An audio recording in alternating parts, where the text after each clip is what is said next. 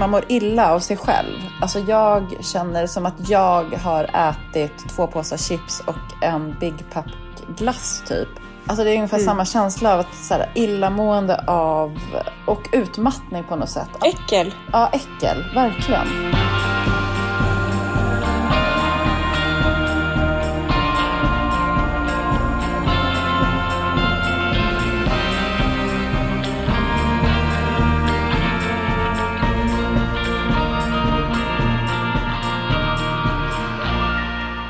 Hej Elin. Hej Kattis.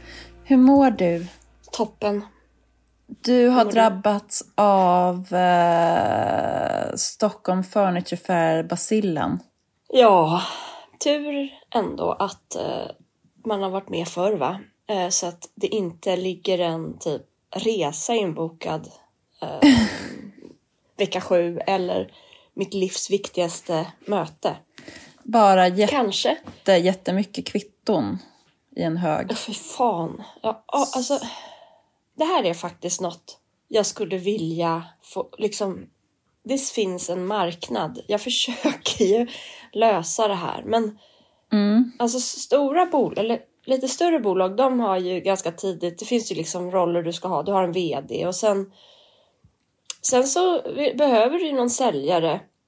Och jag är ju både säljare och VD. Men så behöver du någon admin och den är jag också. Men den här ekonomichefen som så här äh, håller reda på alla kvitton och det här ska faktureras den kunden. Du vet alla utlägg jag har gjort Fruktansvärt vidrigt. i projekt.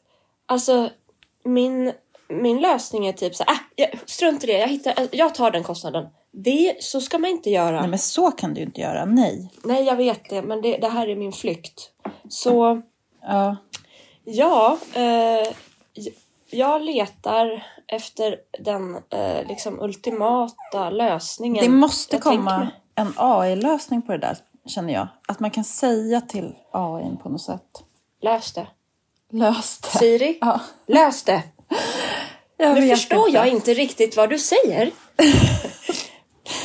Jag Nej. googlar, lös det. Jag hittade hundra svar typ. Men eh, så här, jag måste bara säga att eh, vara sjuk och ha den sortens eh, ångest klumphängande över sig, då blir det ju gånger hundra. Så man ska egentligen inte Ja, ens för- försöka sig på det när man inte kan tänka Nej, det klart. var lite olutt... Alltså det var ju i, i all min erfarenhet av att man blir sjuk. Jag blir sjuk efter Design Week. Så var det ju väldigt naivt att liksom så här... Okej, måndag. Jag hade ändå gjort upp en plan. Jag skulle bara ta tag i kvittorna på måndagen. Alltså förr, gamla Elin hade liksom haft tre punkter till ganska stora och blivit besviken.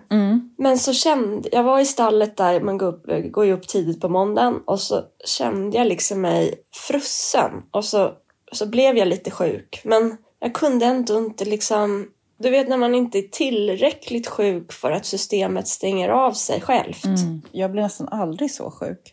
Nej, det är orättvist, eller jag vet Det inte. är typ barn som blir det känns det som. Ja, och sen är de svinpigga efter två dagar. ja, exakt. Jag är ju äntligen frisk. Jag har ju varit sjuk sedan eh, jullovet typ. Du låter så glad. Ja, men jag har eh, energi. Jag känner ju också tyvärr så här att eh, jag har skjutit på liksom, mitt vanliga jobb i två veckor. Så nu måste jag göra två veckors jobb på typ en vecka. Det vill säga tre veckors jobb på en vecka. Samtidigt som jag ska hämta och lämna. Ja, så hade man ju precis kommit ikapp efter eh, Formex som också var lite samma. Exakt, jag känner liksom, du vet det är ju så här, eh, vi hade ju planer, vi bara, gud antikmässan borde vi göra, vi borde göra något där, vi borde göra något på trädgårdsmässan. Jag bara, ingen mer mässa. Varför är ingen av de här mässorna på hösten? Åh, det finns så många bra svar på det, men eh, jag tänker att trädgårdsmässan är väl kanske mer lämplig att vara på våren. Den om någon är ju det faktiskt. Och ja, antikmässan, ja jag vet inte. den kan vara när som helst, inför jul. En liten anekdot. Men överallt nu så marknadsförs ju antikmässan. Och då står det Nordens största antikmarknad, deras liksom pay-off eller slogan. Ja. Vem tror du har hittat på den? Elin, kommunikationsproffs, Lervik. Ja, man får ingen royalty på sånt. Nej, fan, det är dåligt med royalties i eh, ordbranschen ändå. Fast vi får ju det för boken. Ja. Det är härligt. Vi har inte pratat Och om den att den ska- ska tryckas till igen. Alltså, hallå! Eh, det är inte klokt. Nej, man blir faktiskt lite pirrig. Eh, tack alla ni som köper våran bok. Ja, det är underbart. Men jag hoppas och tror att det här bara är början. Alltså, Ja, jag med. inte bara ur ett kommersiellt syfte utan mer så att, att den är värd mer än att vara en fluga ett år, en inredningsbok eller en coffee table-bok. Det här Ja. är liksom något Ja. mycket bredare. Precis. Jag kände att den var ju liksom inte med på bokrean. I alla fall inte i den här katalogen som man fick hem från Akademibokhandeln. Eh, och då kände jag att den får leva i ett år till. Vad underbart. Ja, men den kommer inte reas någonsin. Nej, jag hoppas det. Nej, men då plockar vi bort den från marknaden och så får den vila. Ja, det är sant. Det kan vi säkert göra.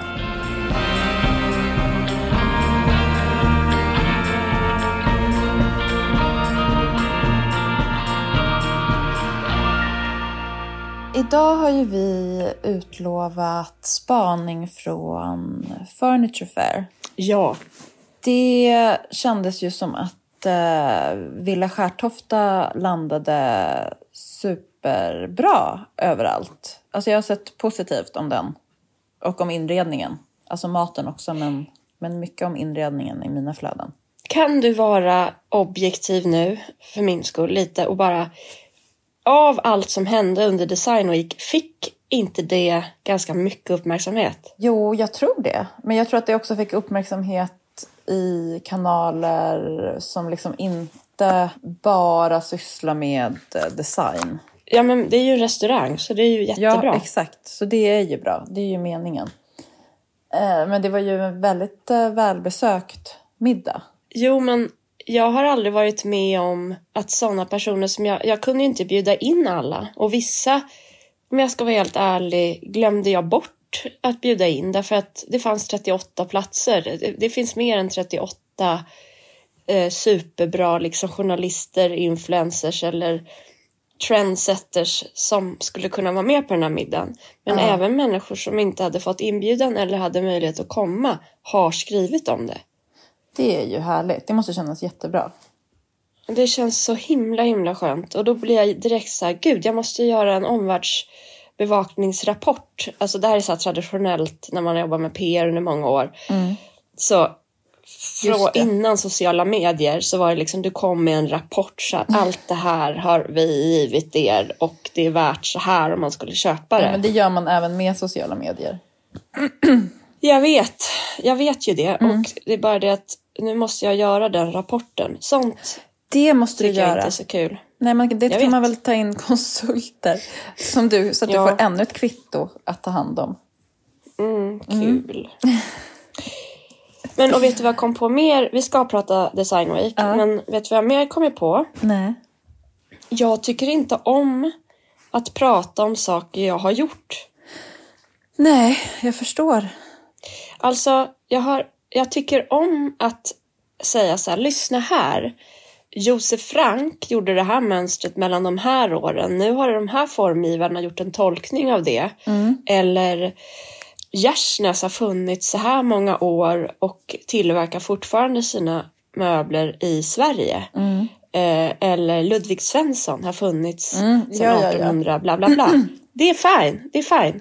Men när jag ska stå och berätta om alltså en, en del av ett stort projekt, Ja. hur jag har tänkt med inredningen eller svara på sådana frågor, Ja.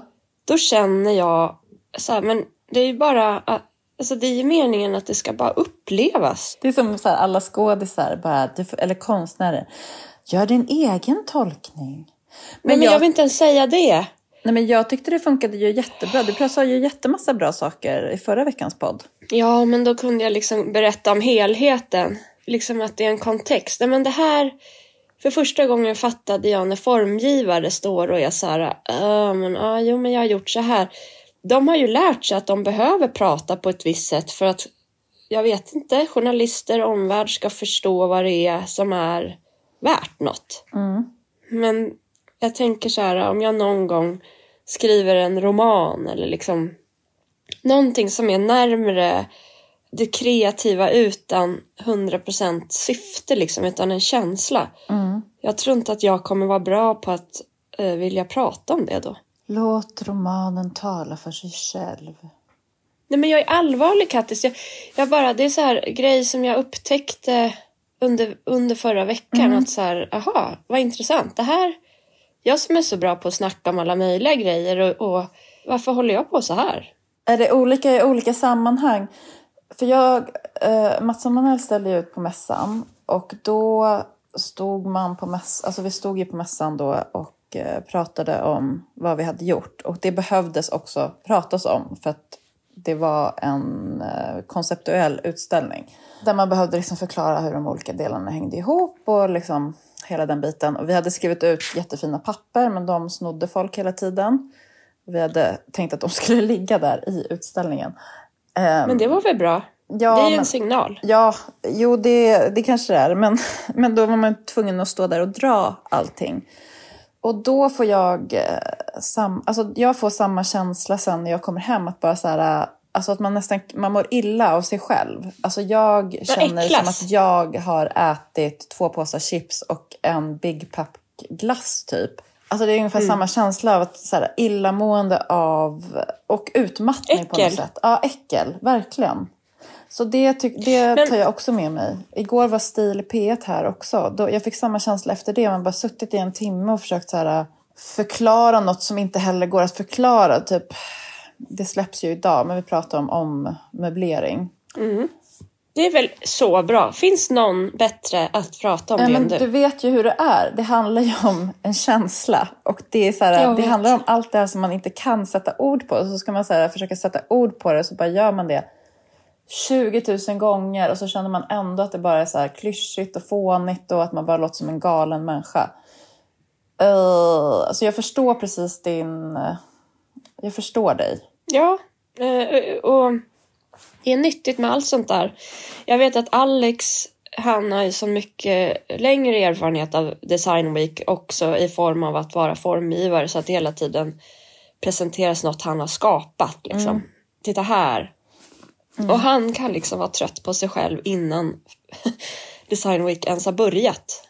Mm, men han känns ändå så himla überproffsig i det. Ja, men han var inte det. Den här veckan, i år, eh, jag tror han har land, måste kanske också ha mognat, men landat typ att, jag vet inte, det var, han kändes väldigt så här bara eh, yrkesmässig och gjorde sina grejer och fördelade energin rätt och sådär. Good for Ja. him. Good for him. Medan Vi jag är själv ju bara- noobs.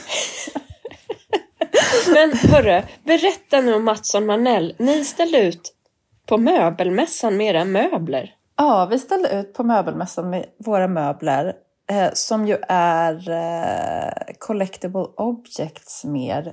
Och sen så insåg vi att vi hade ju gjort en skulptur och det kom någon gubbe när vi höll på att mon- liksom montera upp den och var så här, ska man hänga kläder på den här eller?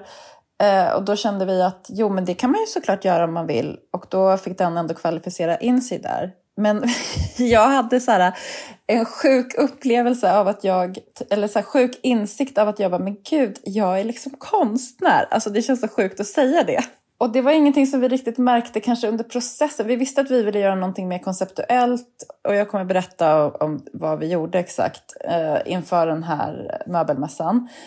Men jag hade nog inte riktigt fattat att jag skulle känna mig som en konstnär. För det är en sån sjuk grej att jag inom loppet då av typ ett halvår både är författare och eh, konstnär som är liksom mina två barndomsdrömmar. Fatta hur sjukt det är. Men är det så härligt som du har tänkt dig? Ja, i insiktens eh, sekund så var Jo, det, det är faktiskt så härligt.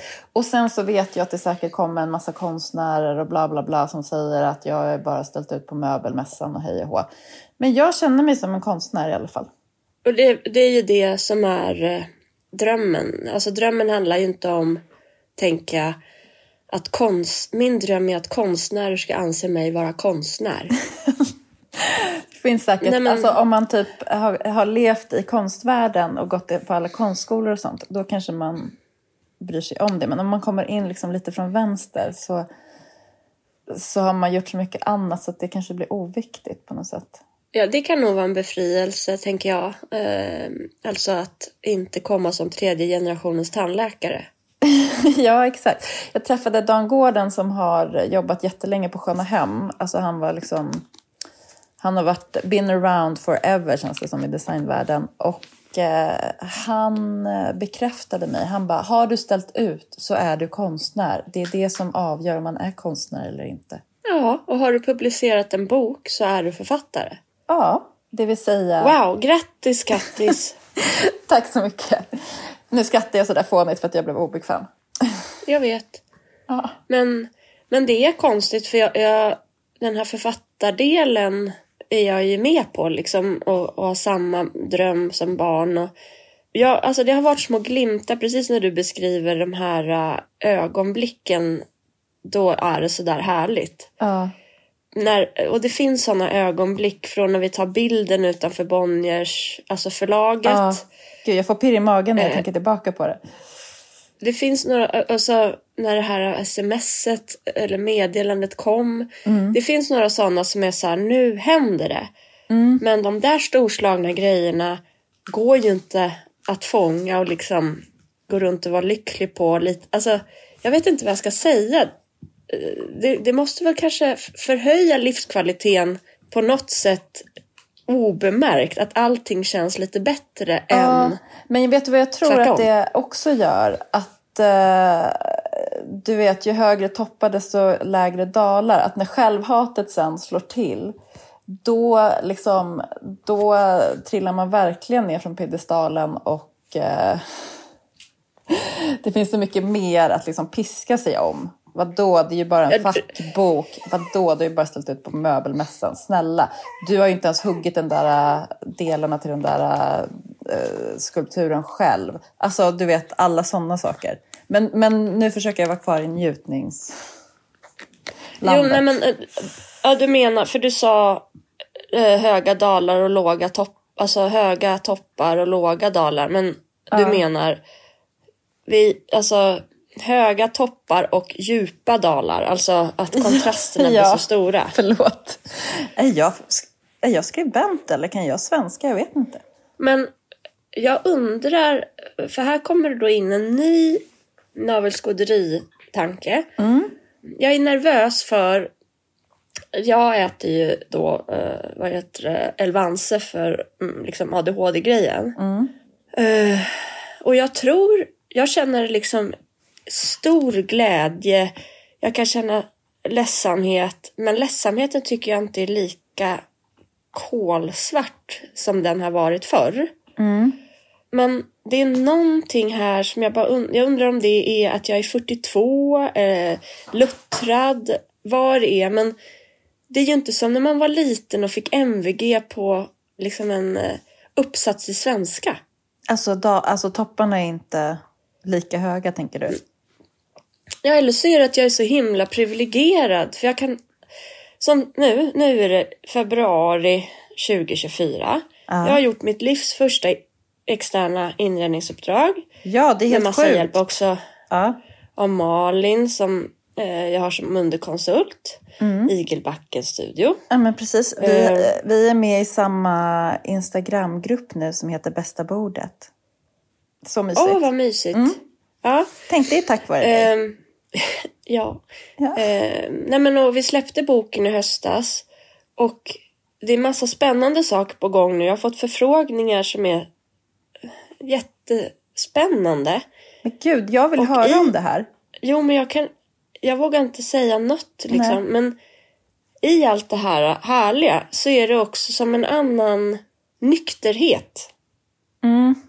Och jag undrar om det är mognaden som tråkar till det. Men jag vet inte om det kanske behöver vara att det tråkar till det. Utan det kanske också är kopplat till den där nykterheten. En, både en slags eh, trygghet. Alltså att man, man... för det kanske jag också kan känna så här, jag tror för bara typ tre år sedan, jag hade aldrig vågat säga i en podd bara, jag är konstnär nu. Men nu eh, känner jag att, jag att jag säger det och jag säger det högt. Och det är någon slags nykterhet i det också. Förstår du vad jag menar? Så att det kanske- Hundra procent. Det är superkul men det spelar ju inte någon roll för vem jag är som människa. Mitt värde sitter ju inte... Åh gud, jag hör. Men det sitter ju inte i de där projekten eller... Nej, det Ja, kanske är sorry, det. jag är bara en helt vanlig person Ja. då, men jag insåg att det, det jag presterar inte betyder vad jag är värd. Och det kanske är det, men jag tror att du sätter fingret på någonting. Jag tror att det är det som gör att jag kan säga det här. För att jag bryr mig inte om hur det landar hos någon annan. Därför att det är Nej. inte jag, utan det är någonting Nej. jag gör. Exakt. Det är ju Och- otroligt, alltså det är ju större än något, än allt det här andra som vi har snackat om. Prestationerna. Jag alltså vet. den insikt, alltså om det här stämmer Elin, det är ju livsomvälvande. Jag vet, och då är ju det något att känna lycka över. Verkligen.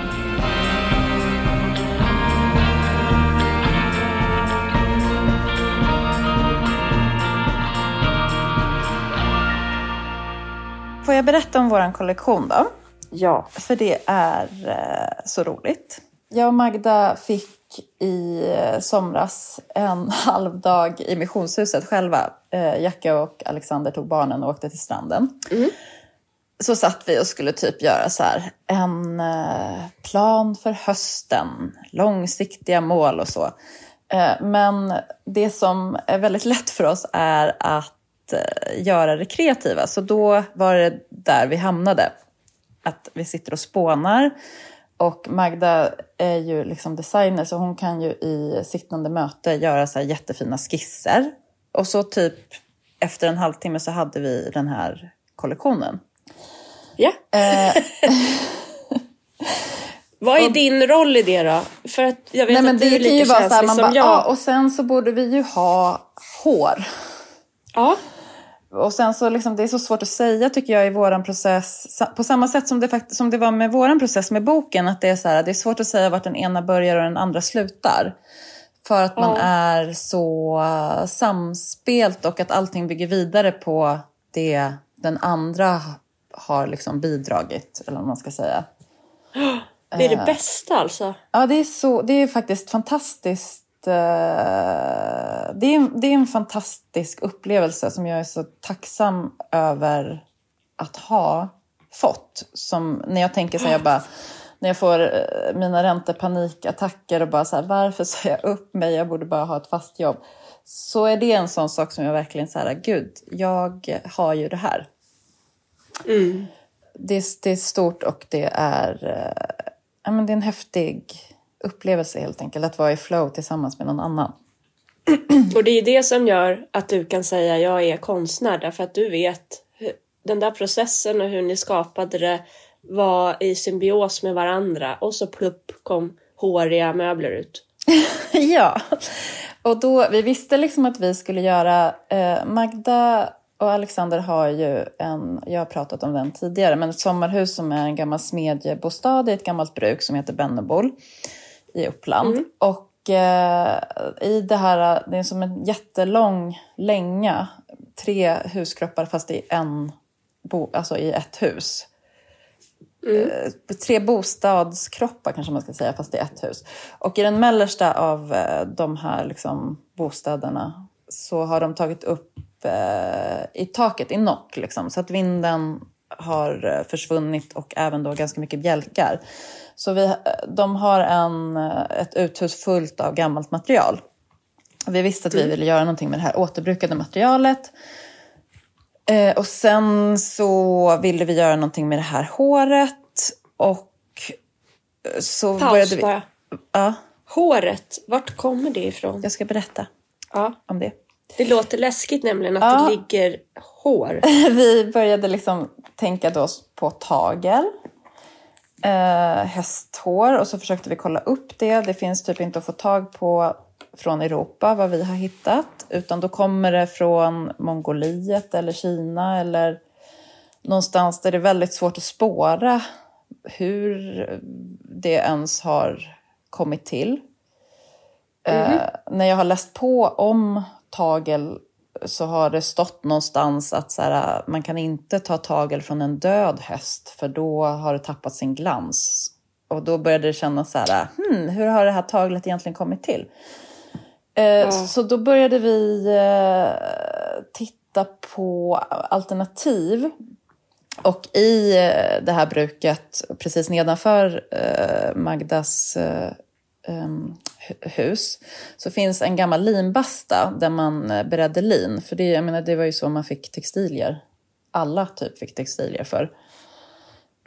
Eh, om det inte var ull. Och då började vi tänka på linet. Och eh, då är det ju så att häcklat lin, det är precis i processen innan det spinns till eh, trådar.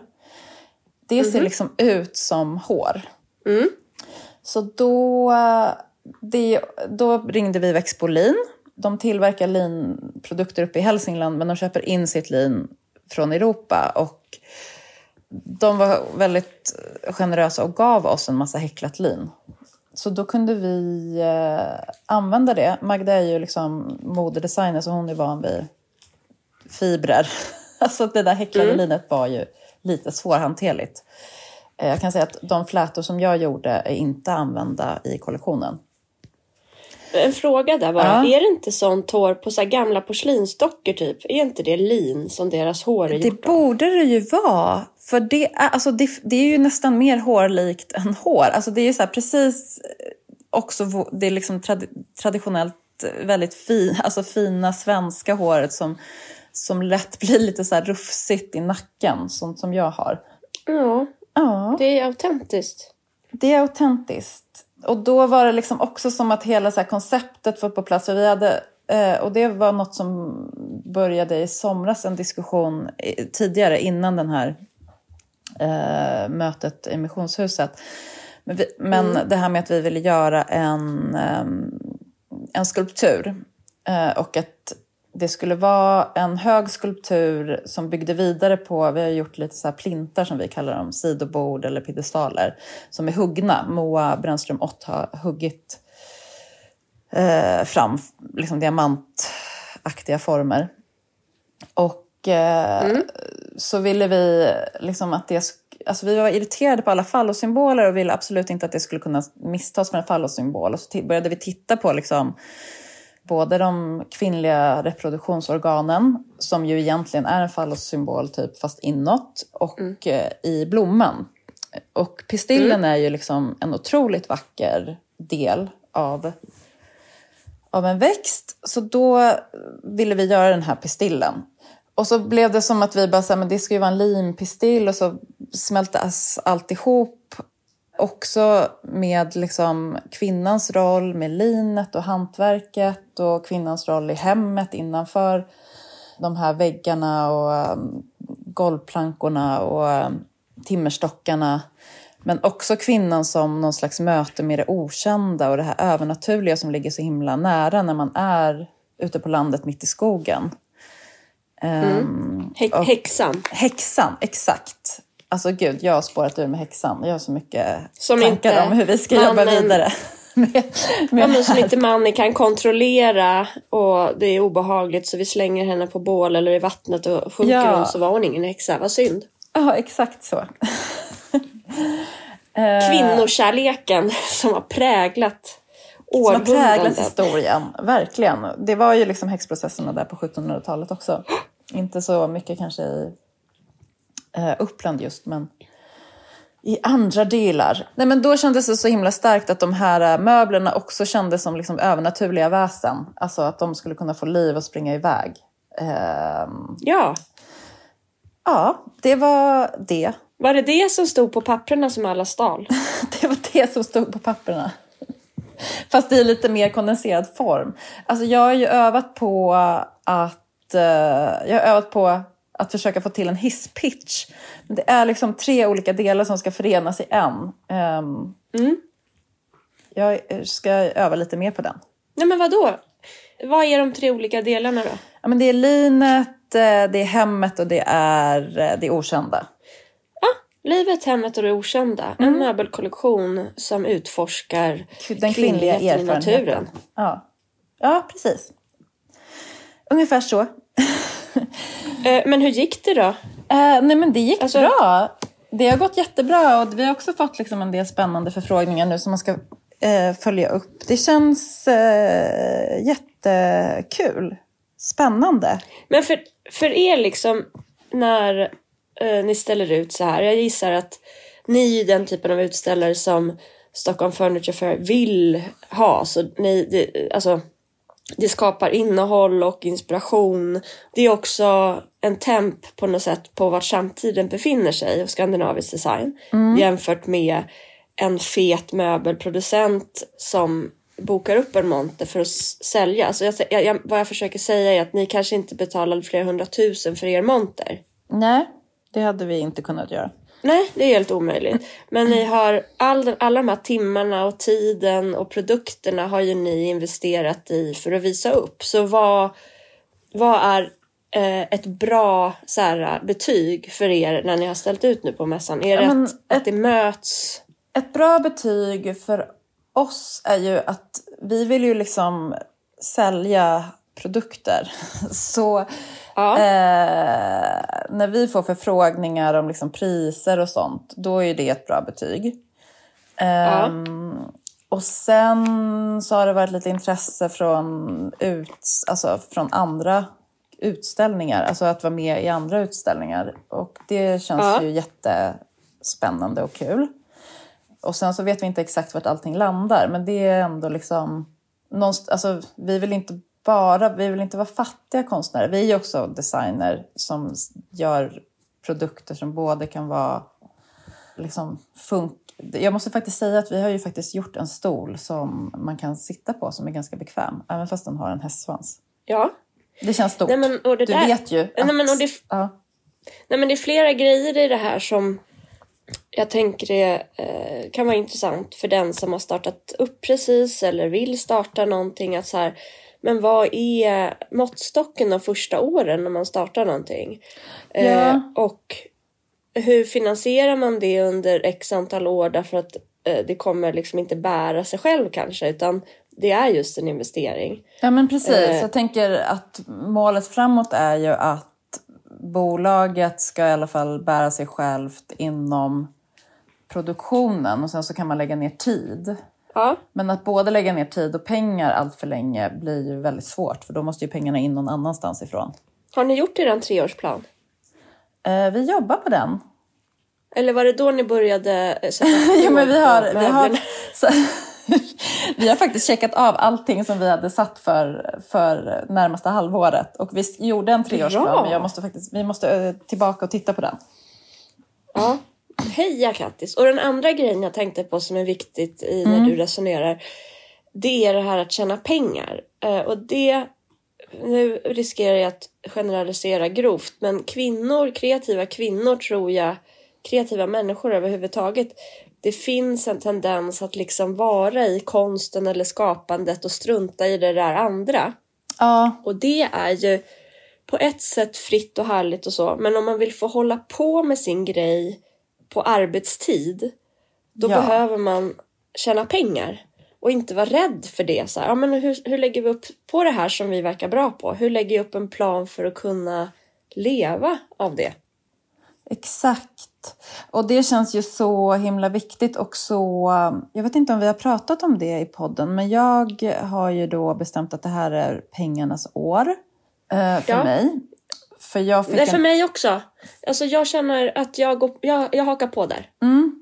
Jag fick liksom en insikt i en kompis som skickade, hon som har skrivit The Secret, Shonda Rhodes, Rhymes, vad hon nu heter.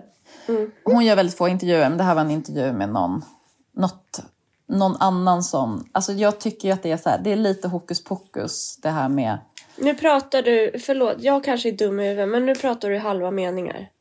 Nej men The Secret, det var ju en bok som kom som handlar om att eh, typ en överdriven version av att tänka positivt så kommer det bli så.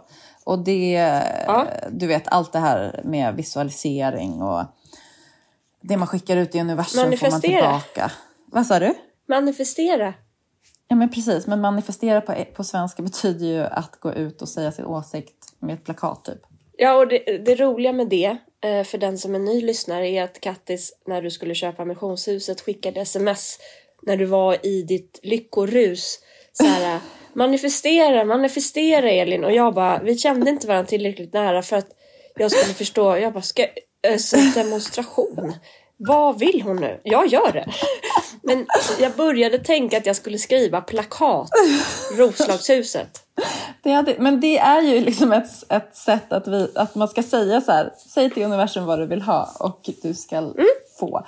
Eh, Men egentligen så kanske det handlar om att om man är väldigt tydlig mot sig själv med vad man vill ha så tar man hela tiden små steg i den riktningen. 100 procent. Men är det din kompis som har skrivit den boken? Nej! Min kompis skickade ett klipp med en intervju Ja. där hon, hon heter Shonda tror jag, som har skrivit The Secret, var med. Och i deras samtal så handlade det också om att liksom negativa tankar föder ju, alltså, ger också negativa resultat i verkligheten. Och återigen, det här är verkligen sånt som, jag lever ju tillsammans med en forskare så att jag skäms typ lite grann när jag pratar om det här på ett seriöst sätt. Men då fick jag i alla fall en insikt och det är att jag eh, tycker inte om pengar. Alltså jag typ tycker inte om det kapitalistiska systemet. Jag är obekväm med grundförutsättningarna för att tjäna pengar. Vilket ju då gör att jag liksom är den där personen som bara la la la la la, jag ska inte bry mig om pengar. Eh, sen är jag också medelklassuppväxt så att jag har aldrig haft pengar som en drivkraft. Som jag tror, alltså självförverkligande har varit liksom det primära, tror jag, i mitt liv. Eh, och inte så här tjäna pengar som jag har kompisar som har växt upp under fattigare förhållanden som kanske har det som en mer uttalad grej. Eh, men då Jag har det. Ja, ja men Har till haft det i exempel. alla fall. Ja, Därför att eh, eh, det fanns ingen kran någonstans utan behövde man en häst så fick man jobba ihop sig till en häst som man hade råd med. mm, Den som var halt. gulle. Men ändå en häst. Ändå en häst ju. Ja, men precis. Och eh, hemma hos mig så var det så här, nej vi pratar inte om pengar. Jag tänkte typ inte på pengar. Det fanns alltid allt i kylskåpet liksom, och i skafferiet och sådär. Jo, men så då har jag bestämt att i år ska jag eh, inte blunda för pengarna. Jag ska ha möten med mina finanser varje vecka. Toppen! Toppen!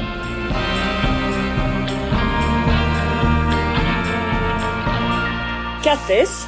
Ja. Du har skickat liksom ett långt mail till mig med dina trendspaningar för Stockholm Furniture Fair 2024 och Stockholm Design Week. Kan vi gå in på det nu, tack? Ja, förlåt alla lyssnare. Det här är varför ni är här. Jag Eh. tror att de efter två år vet att det är så här det blir. Jättemycket existentiellt och sen en liten trendspaning på slutet. Precis. Först och främst lite branschsnack. Hanna Nova Beatrice, eh, som både du och jag känner i, för, av olika orsaker. Hon har varit chefredaktör för Residence, eh, bland annat. Hon eh, har ju tagit över som liksom, general för Furniture Fair på Stockholmsmässan. I fjol hade hon inte varit inkopplad hela vägen. Så att de tog en del stora steg. Liksom. Hela mässkonceptet är ju satt under lupp kan man säga för alla er som inte är i design eller liksom i någon slags mässbransch. Så här, är det hållbart? Är det inspirerande? Det finns mycket att diskutera. Men hon gjorde Det ju... kon- det, Ja. jag må, förlåt, jag måste bara addera eh, av massa olika anledningar. Mm. Men det är ju ett koncept som är ganska gammalmodigt utifrån att man förr hade mässa inom olika branscher på vår och höst för att visa nya kollektioner. Och det sättet att kon- konsumera eh, försöker vi komma ifrån, eller måste vi komma ifrån. Ja, men precis. Och dessutom så byggde man då stora eh, resurskrävande montrar för att göra detta, både höst och vår. Och så mycket- skulle det vara nytt, Ja, liksom nästa allt monter. skulle vara nytt. Allt skulle vara nytt hela tiden. Nu var det jättemycket andra värden som hade liksom adderats till det här kräng, köp och sälj. Ja, det är ju som en marknadsplats liksom. Det fanns tre barer, rolig minigolf, det här mer konstnärliga projektet som jag och Magda var med på, Älvsjö gård. Eh, ett gäng nya, mindre designers som gör jättespännande saker. Allt det liksom var samlat på en plats och alla hade fått lite, alltså det här är väl för att det är färre utställare, men jag tyckte det kändes så välkurerat och eh, inspirerande att alla hade fått större plats. Montrarna var genomarbetade ofta så fanns det en plan för hur de skulle återbrukas. Det fanns ett blockparty istället för att folk som svenskar, det känns så himla svenskt att folk annars står typ så här, nu står jag och min lilla grupp här i den här montern och dricker bubbel och ingen annan får vara med och sen så ska vi gå vidare till en annan monter och stänga in oss där. Så var det liksom så här, kom och umgås. Jo men och där är det ju, möbelbranschen är ju ändå, liksom, det är generationer, eh, alltså det behöver ju in nytt blod att förstå att ja, men den här mattillverkaren, vi tillverkar också mattor, men det är inget farligt att vi har våra montrar nära varandra därför att eh, det är synergier i det och alltså ja. att våga öppna upp liksom. Verkligen. Men det är ju små steg så. som tas. Du var inne på Hanna Nova och det jag tror man får se nu, det är ju hennes briljanta förmåga att skapa innehåll. Alltså hon har skapat innehåll i tidningar och böcker på sociala medier och nu håller hon och på att skapa utställningar. innehåll. Ja, hon ja, har ja, gjort ja, jättefina utställningar när hon jobbade på Residence, eh, inte minst. Men nu kommer den kompetensen in i ett sammanhang som har varit eh, liksom lite förlegat kan man säga. Mäss, mässformatet. Precis. Och det är ju verkligen blod, svett och tårar och ett extremt eh, kraftfullt nätverk som ligger bakom det här. Men min känsla var att det blev en succé. Jag, jag är nyfiken på att höra vad du säger för jag tänker ju också det och alla jag liksom snackar med, så, från mm. formgivare till journalister, säger ju samma. Så jag, jag undrar om liksom allmänheten också känner av den här vibben?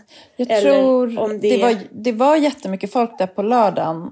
Jag vet inte hur det, mycket det brukar vara. Jag skulle gissa att det kanske generellt var mindre folk än vanligt. Och jag tyckte det snackades lite om det. Att så här, åh, det är färre utställare, åh, det är färre besökare. Men jag vet, jag kan inte bedöma det. Och jag vet inte heller om det behöver vara dåligt. För det är trots allt lågkonjunktur. Möbelindustrin står inför jättestora omställningar. Jag menar eh, klimatförändring. Alltså, det, det kommer behöva hända väldigt, väldigt mycket inom den branschen. För den är ganska klimatvidrig liksom. Ja.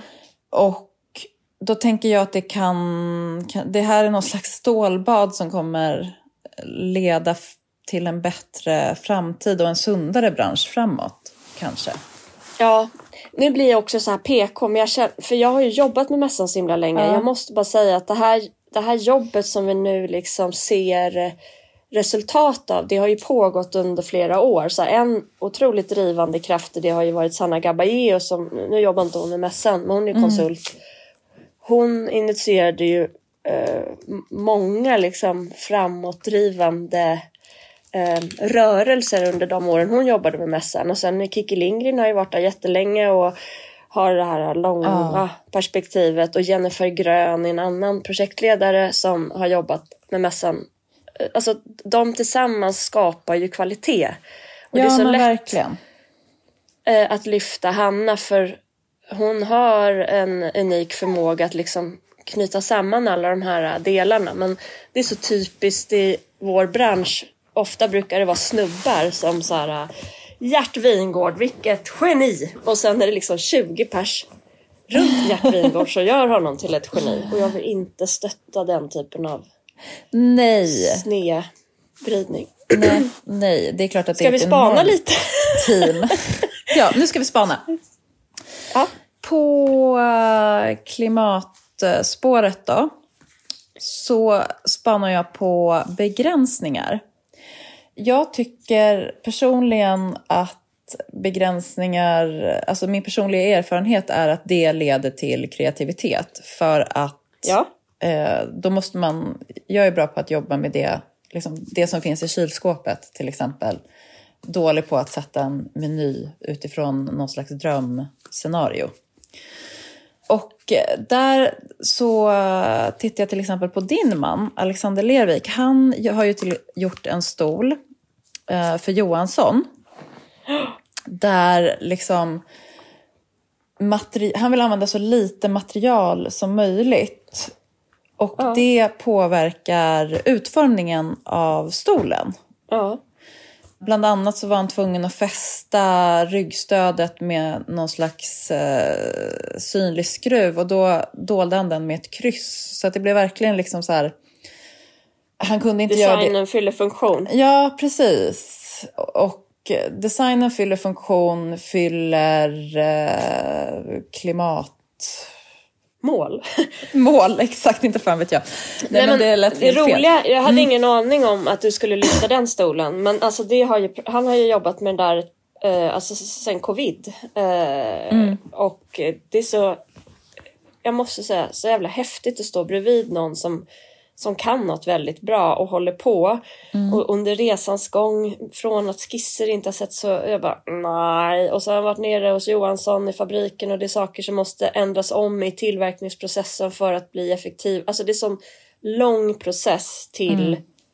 en stol på en mässa och så står den där och bara och verkar ha mötts med liksom jubel för det skrivs ju om den överallt. Mm, precis, och han var ju inte ensam med att jobba på det sättet. Jag tänker även på verk som uh, har tagit fram en stol. De jobbar ju bara med svenska uh, företag, alltså made in Sweden mm. på riktigt. Liksom. Uh, nu har de till och med lyckats ta fram ett ulltyg för att det har flyttat tillbaka ett spinneri till Sverige från, ja det har köpts in liksom, utomlands ifrån. Även verk har ju, som bara jobbar med eh, svenskt trä och svenska, liksom, svensk industri med några få undantag, hade tagit fram en stol där det var ett företag som kom och var så här, vi har vi, vi, när vi, I vår produktion så får vi över de här bitarna. De är 80 centimeter och så här och så här och så här eh, stora. Vad, kan ni göra någonting av dem? Eh, och så har de gjort en fin stol. Eh, och Emma Olbers eh, har gjort en stålsoffa för Västre. Och de har då gjort den här första fossilfria stålsoffan med SSABs eh, fossilfria stål. Och hon pratade också om hur hon liksom har försökt använda så lite material som möjligt. Så det känns som någonting vi kommer se mer av. Eh, liksom använda materialet och restprodukter på nya sätt. Det är underbart. Eh, mm. Västre var ju med på den här äh, möbeldagen som jag äh, ja, modererade såklart. förra november. Ja. Äh, och de har ju byggt en superambitiös fabrik i norska skogarna och tillverkar, eh, deras liksom core business är ju möbler för utomhusmiljöer. Precis. Alltså så här, offentliga miljöer, väldigt mycket parker och sånt. Ja. Så coolt bolag att ha koll på. Ja, så coolt bolag att ha koll på. Också en kvinnlig eh, arkitekt som gjorde deras coola fabrik.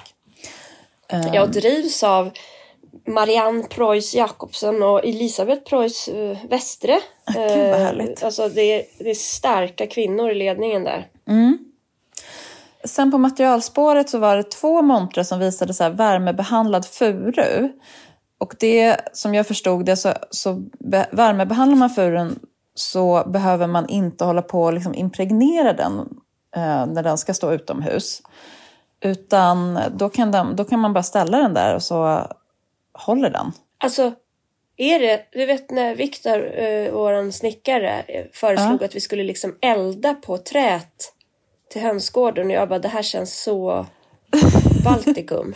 nej, nej det, för det är ju japanskt. Det är ju såhär shosogiban. Det har jag ju också skrivit upp. Då eldar man på trät så att det blir förkolnat och så blir det jättehållbart.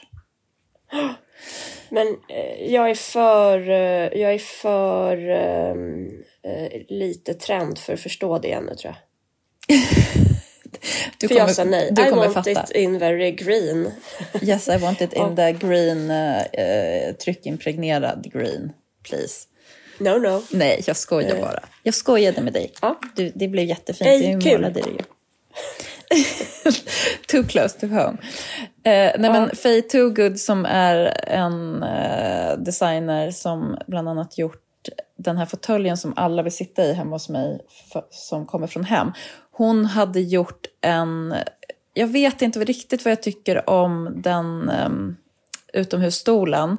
Den är liksom inspirerad av glasspinnar och väldigt, väldigt grov. Jag tror att den kommer växa på mig. Men första känslan var att det var som en uppförstorad leksaksmöbel som var alldeles för... Alltså den, allt var så tjockt på den bara. Men hon har gjort det för ett finskt företag som också är kul att hålla koll på som heter Varni. De är superfina saker. Ja, de är bra grejer. Och sen så tyckte jag på materialfronten att det är ju de här 3D-printade materialen som har kommit ganska starkt både hos liksom Interesting Timesgang, Ekbacken Studios och Reform Design Lab eh, som fick pris av Deco Design Awards för ett par år sedan för sin stol. Och då ja. när jag var där, då visade det sig att Nej men Alexander Lervik har gjort en lampa av sand. Mm. Spännande. Där dök han upp. Ja, där dök han upp. Eh, men det tycker jag är så jättekul, alla de här... Jag är liksom inget fan av plast. Jag tycker man bara ska ta bort plast om det inte är liksom typ cellulosabaserat och kan brytas ner. Eh, jag är liksom skräck för mikroplaster och plast i havet och så. Men därför är det så spännande liksom med typ, ja men man kan eh, använda sand istället. Ja. ja, han har också gjort en lampa av choklad. Mm, gott! Finns den kvar eller? Är den i din mage?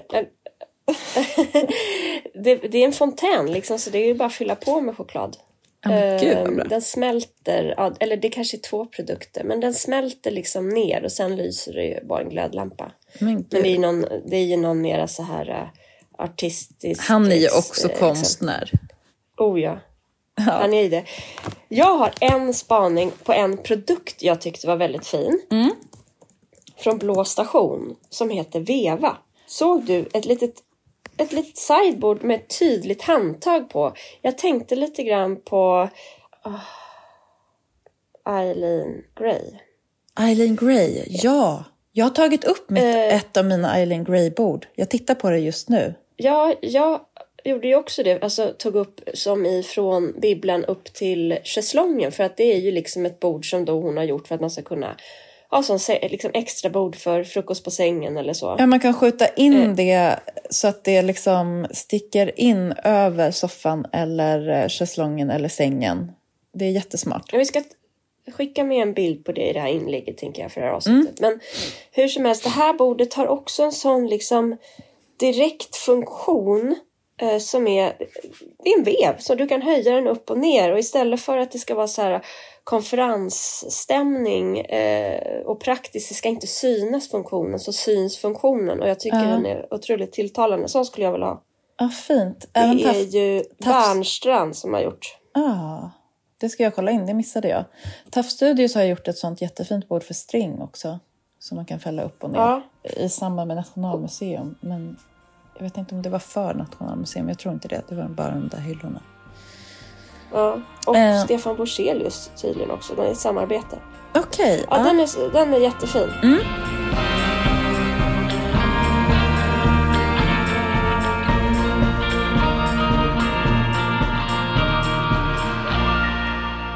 nu lämnar vi materialen. Jag hade kunnat liksom fortsätta prata om olika tekniska nyheter etc.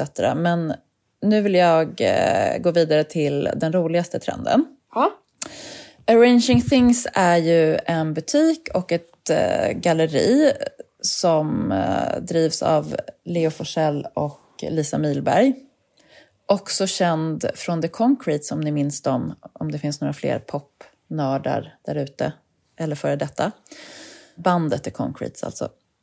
De har eh, otrolig känsla för eh, både nya formgivare och eh, second hand-grejer.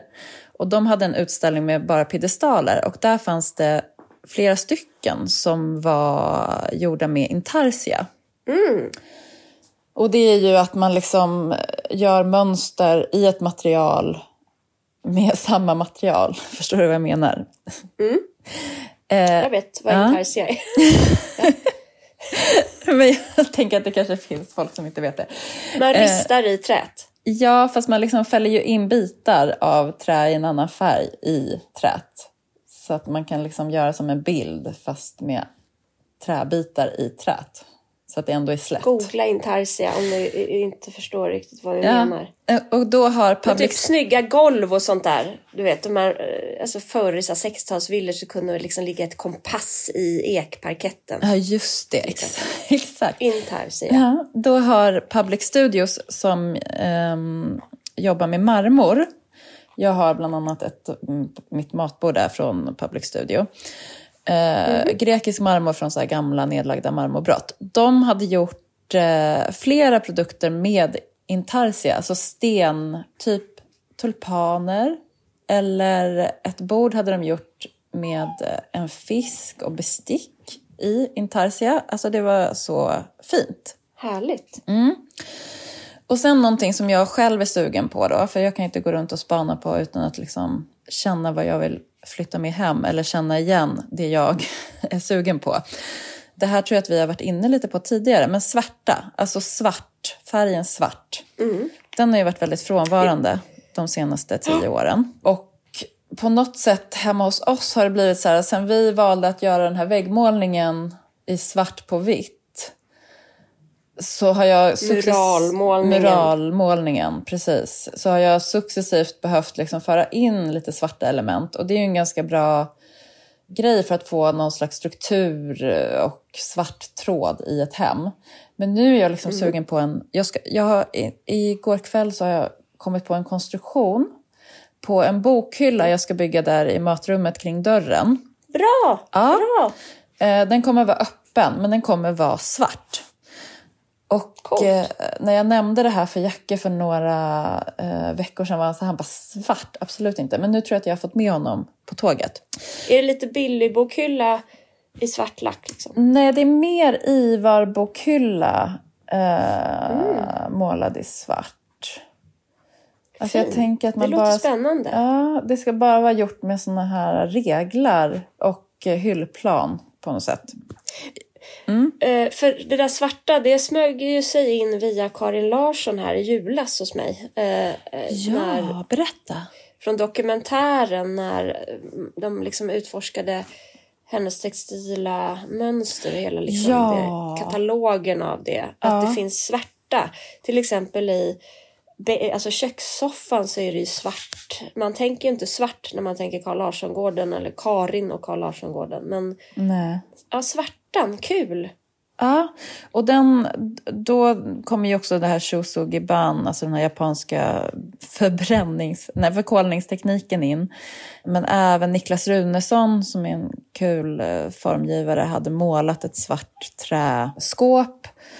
Och eh, så finns det en annan formgivare som också är väldigt spännande som jobbar med trä som heter Elak form. Alltså det är också verkligen så här konst. Är det konst eller är, är det en skulptur eller är det en pall? Vilket speciellt namn. Elak form, ja verkligen. Han verkar jättecool. Um, Sen en grej som jag kände, det var faktiskt en arkitekt eh, som eh, jag sprang på som sa så här om mässan och det kändes så typiskt arkitektigt. Han, var så, han bara, ah, det var så skönt att det inte var alla de här, det var lite mindre så här Gustav Westman och hem och alla de här starka färgerna och formerna och så. Eh, och det har ju varit, en, det har ju funnits liksom en underströmning sen pandemin när folk liksom gick crazy för att det också så här, äh, man levde genom sociala medier tänker jag. Med väldigt, väldigt mycket färg, väldigt, väldigt extrema former eller liksom runda former men liksom överdimensionerade koppar och liksom allt ska vara så stort och mycket. Och jag är ju, Gustav. Gustav Westman, exakt. Eh, men till och med kolla. Gustav som eh, ställde ut för första gången på eh, mässan, det går ju svinbra för hans bolag. Han hade såklart allt det här i sin lilla monter.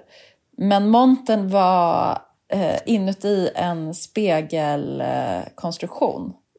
Så att det var liksom lite dolt. Och samma sak med Hem då som ju verkligen har haft mycket färger och sådär. De kändes lite vuxnare. Och det var en sån generell känsla jag fick på mässan. Att det kändes så här lite sobert, vuxet, elegant. Sofistikerat, Ja, det var mitt första ord. Exakt! Det är Och vet det du, när vi- ordet. Vuxet. när vi, ändå, när vi ändå är inne på hem så tyckte jag om, de gjorde ju det klassiska svartvita golvet. Eh, liksom. Det gjorde ju de med jättestora, vad kan de ha varit, 60 gånger 60 centimeters plattor eller ännu mer. Så hela deras monter var liksom eh, schackbrädsaktigt. Det tyckte jag var så fint, så blev man plötsligt sugen på det Nej, där golvet. skojar du med mig? Vet du vad mitt nästa projekt är här hemma? Nej. Eh, och det här är inspirerat av Kajsa Melchior som vi utsåg till årets inredare. För hon har hemma hos sig också rutigt golv. Vilka vi? Du och Jacke eller? Vilka vi? Och förlåt? Eldeco Design Awards. Hon fick... Det är ändå roligt om ni hade så här på fredagskvällen så bara, men vem tycker du Jacke? Alltså det hade varit så roligt. Han hade bara kunnat säga mig eller dig. Det är de enda Ja, han vet i ja. designvärlden. Älskade människa. Eh, Eldeco Design Award delade ut pris till Kajsa Melchior som årets inredare. Och hemma hos sig så har hon ett överdimensionerat rutigt golv i rött och eh, typ kräm. Och jag är så sugen på att kopiera det och att även liksom lägga rutorna snett. Förstår du vad jag menar? Ja, vad roligt det är alltså. Jag vet, det är ju så roligt. Vad sjukt att vi hamnar på samma plats. Alltid. Ja. Fast från olika håll. Fast från olika håll. Och då har jag också... Fast det brända, Mm. brända trät, dit får du mig aldrig. Du, ge mig lite tid.